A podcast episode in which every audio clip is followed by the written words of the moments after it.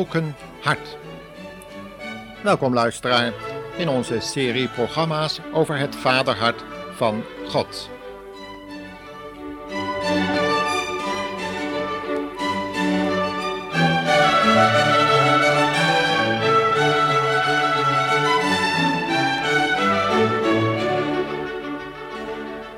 We willen graag met u verder denken over een gebroken hart en wat dat is.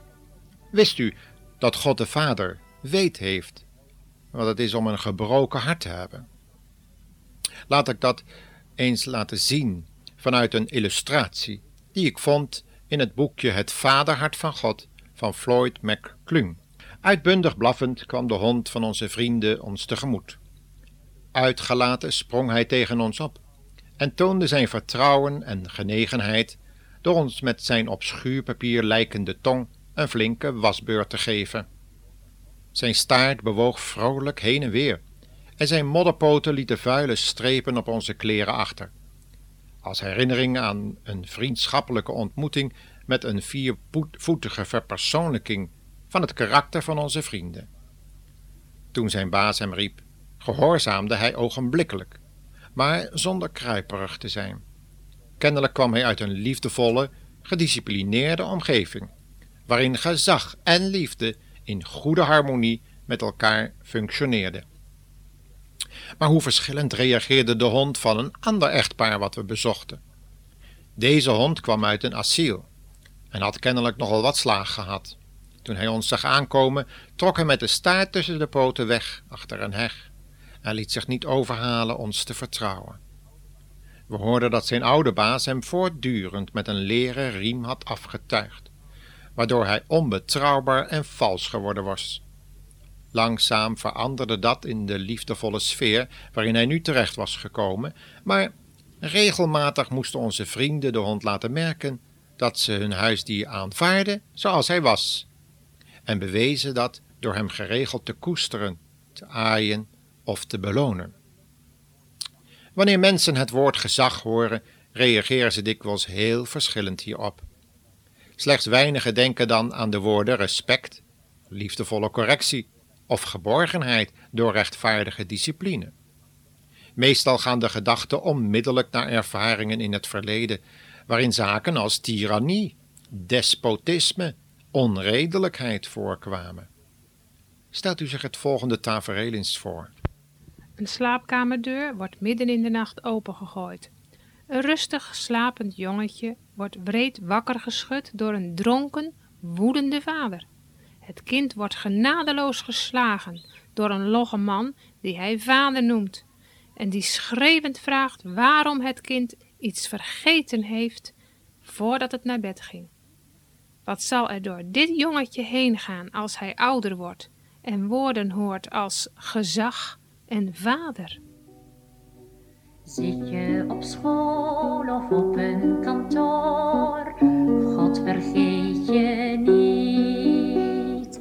Hij kent jouw leven door en door, weet dat Gods oog jou ziet. Ik mag zeker weten,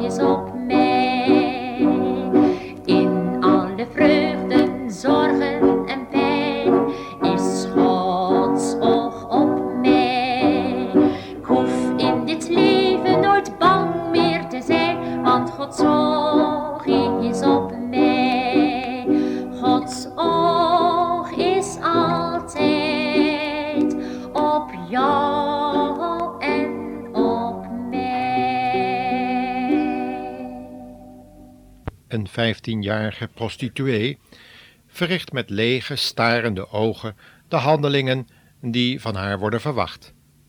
Haar eergevoel is er toch al lang kwijtgeraakt toen haar vader en grootvader haar lange jaren lang gebruikten voor hun lusten, toen ze nog maar heel jong was. Toen moest het gratis. Waarom zou ze er nu geen geld voor vragen? Zo strompelen jonge mensen de lange weg naar volwassenheid, verwond door ervaringen die het vaderbeeld van God verduisteren en het beeld dat zij zich van het gezinsleven en de mensheid hebben gevormd, op hun beurt weer doorgeven aan het nageslacht. Is er dan niemand die kan troosten en helen? Niemand die de barrière van hardheid die deze kinderen omringt, kan doorbreken? Het zou iemand moeten zijn die zelf heeft meegemaakt wat het is om afgewezen te worden, wat het is om een gebroken hart te hebben, vanwege de spotternij en het brute geweld dat misbruik maakt van zwakheid en broosheid. Wie kan een vader zijn voor deze mensenkinderen? Welke armen zijn groot en sterk genoeg om deze verwonde mensenkinderen op te vangen en te koesteren? Hoe zal deze generatie van gewonde en gebroken harten kunnen leren wat liefdevol respect en gezag is? Wie kan er meehuilen om de pijn, frustratie, teleurstelling en eenzaamheid die vele zielen kennen?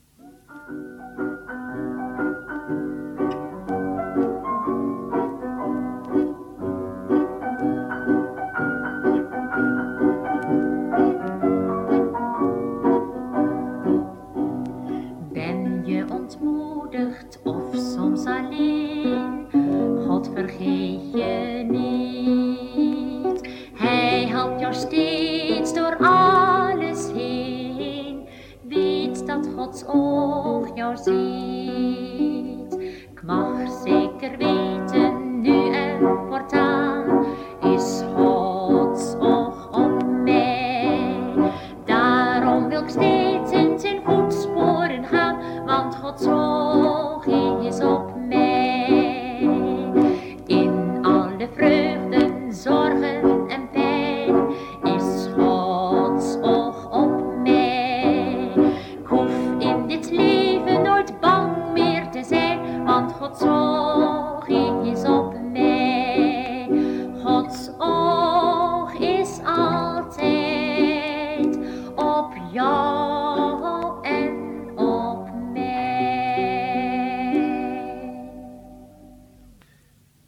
vader die zelf weet heeft wat het is om afgewezen te worden, die zelf heeft ervaren wat het is om geslagen, onredelijk behandeld en van het liefste beroofd te worden wat een vader kan bezitten, zijn eigen veelgeliefde zoon. Alleen onze hemelse vader kan dit volkomen begrijpen. Heeft u wel eens het waargebeurde verhaal gehoord van die spoorwegwachter? Laat mijn zoontje het u nog eens vertellen. Ja, ik kan me het verhaal nog goed herinneren. Het heeft geweldig indruk op me gemaakt. Want de hoofdpersoon van het verhaal gaat over een klein jongetje, zoals ik ben geweest. Vroeger moesten de mensen wissels van treinrails schoon en ijsvrij houden in de winter. Het gebeurde nog wel eens dat het mechanisme vastvroor en dan moest de seinpostwachter uit zijn huisje komen en de wissels met de hand bedienen. Op een morgen was het weer eens zover. De seinwachter was het huisje uitgegaan om de wissel in de goede stand te zetten. Het lukte niet zo erg, omdat het hard gevroren had en de seinkabels vastzaten. Hij moest met zijn volle gewicht de wissel in de goede stand houden, totdat de aanstormende trein voorbij was. Als de wissel verkeerd stond, zou de trein ontsporen. In de verte kwam hij er al aan, vol met vroege passagiers die naar het werk gingen. Toen hoorde de wachter een bekend stemmetje achter zich. Tot zijn schrik kwam daar zijn kleine jongen over de rails aanlopen. Hij hoorde de aanstormende trein niet naderen en kon deze ook niet zien.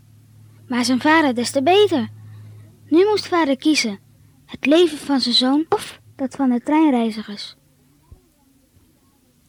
Jarenlang heeft die vader het gebeurde niet kunnen verwerken, maar hij koos voor de levens van vele reizigers die op weg naar de eeuwigheid waren. Hij gaf zijn zoon.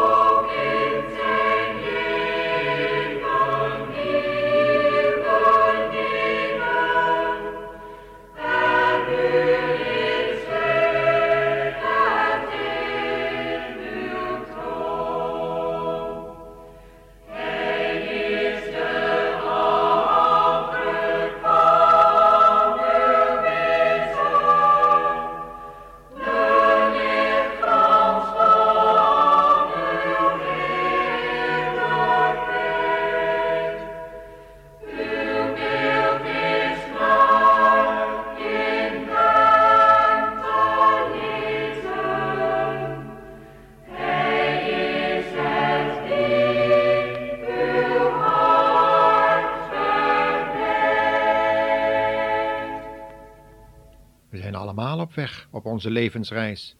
Uitstappen brengt geen oplossing, wel ongeluk met zich mee. Velen zijn zich, evenals die reizigers, niet bewust van een God vol liefde, die de loop van ons leven een goede wending wil geven, en daarvoor in de eeuwige Zoon naar deze aarde kwam, in menselijke gedaante van vlees en bloed. Het is deze God die weet heeft van alle ellende van deze wereld en zelf een gebroken hart heeft vanwege wat gebeurde op het kruis van Golgotha.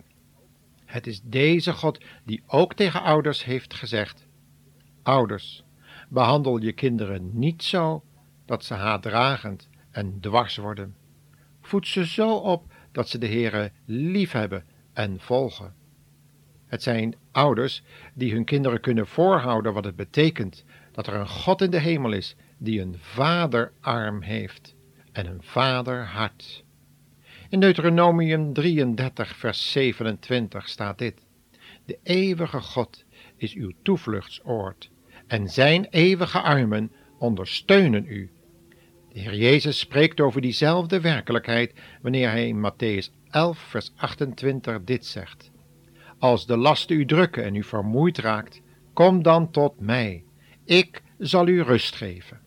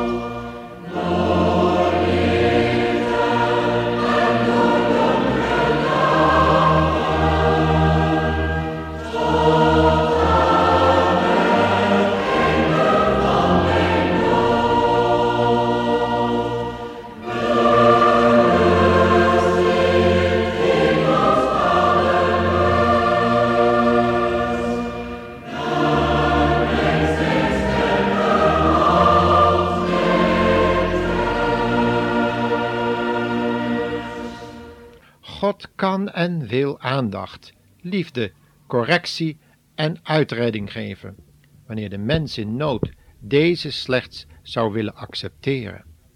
Maar de meeste mensen wijzen hulp van bovenaf, omdat ze menen het zelf wel te kunnen redden, en verwachten dat er in de mens voldoende goede machten aanwezig zijn om vanuit de kracht in jezelf de wereld te verbeteren.